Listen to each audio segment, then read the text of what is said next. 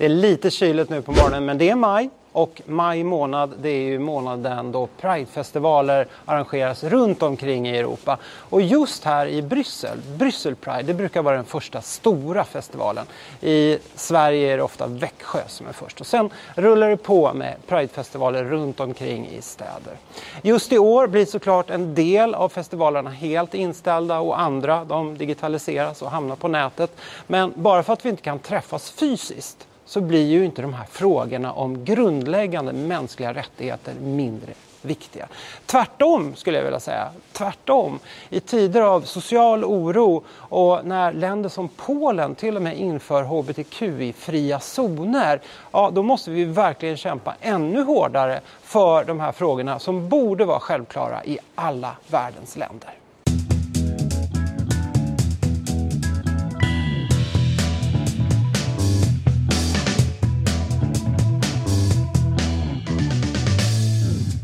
Vi är i bögkvarteren, gaykvarteren, flatkvarteren, transkvarteren. Kärt barn har många namn, men det här är min absoluta favoritplats. Och här Per, här kan vi snacka mångfald. här finns det björnar och uttrar och jox och twinks och fambuts och ja, du kan bara välja De där orden, ja. Eh, de hade inte jag ens hört innan jag och Alice åkte ner på klimatmötet COP25 i Madrid.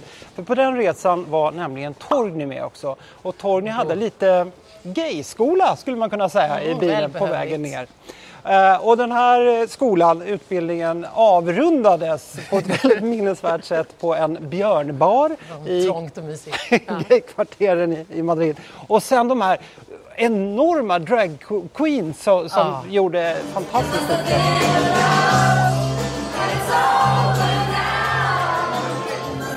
Nej, men det var, det starkt var, minne från den resan. Ett starkt och väldigt positivt minne från kvarter som dessa. Tyvärr har jag många som är mindre roliga.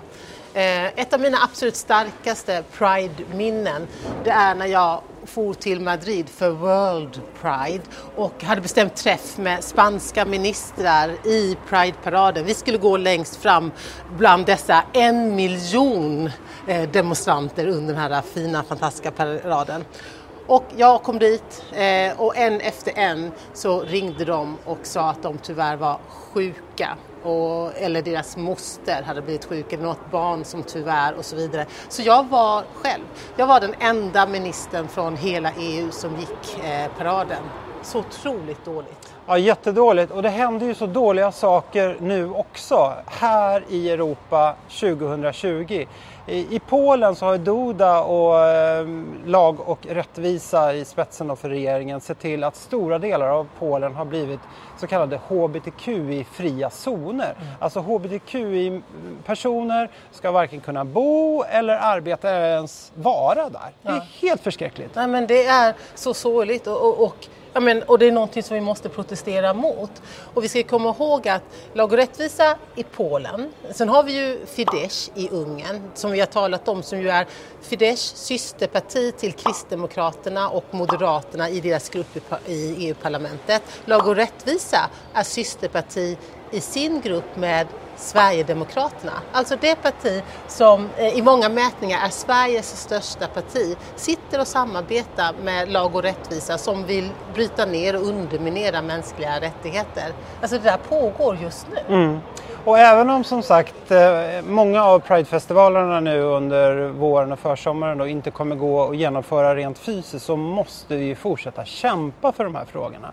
Och frågan är, hur gör vi det på bästa möjliga sätt? Ja, det är ju så att du och jag, vi har ju engagerat oss i bland annat i grupper i parlamentet, vi sitter i utskott, vi kämpar med allt vi har och kan för fler möjligheter, för ett öppet samhälle, för fler rum att vara och leva precis som den man är i. Men så finns det då krafter som kämpar för det motsatta. Men så finns det också ju ett stort civilsamhälle, som till exempel Stockholm Pride. Och vi ska ringa upp Vix Härjeryd som är ordförande för Stockholm Pride och fråga dem hur de tänker göra i år när det fysiska firandet har ställts in.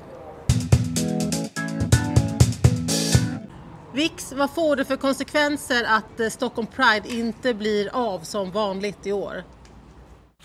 Ja, det får ju förstås ganska stora konsekvenser. Eh, vi är ju Nordens största Pridefestival som väldigt, väldigt många ser fram emot. Eh, så att vi känner ett väldigt stort ansvar att ställa om på ett bra sätt och skapa den här digitala festivalen där vi hoppas samla så många som möjligt. Eh, både, både från Sverige men också från runt om i världen där vi kan lyfta hbtq-frågorna. Men sen har jag förstått att det ändå blir någonting till vintern. Ni planerar en fysisk vinterfestival.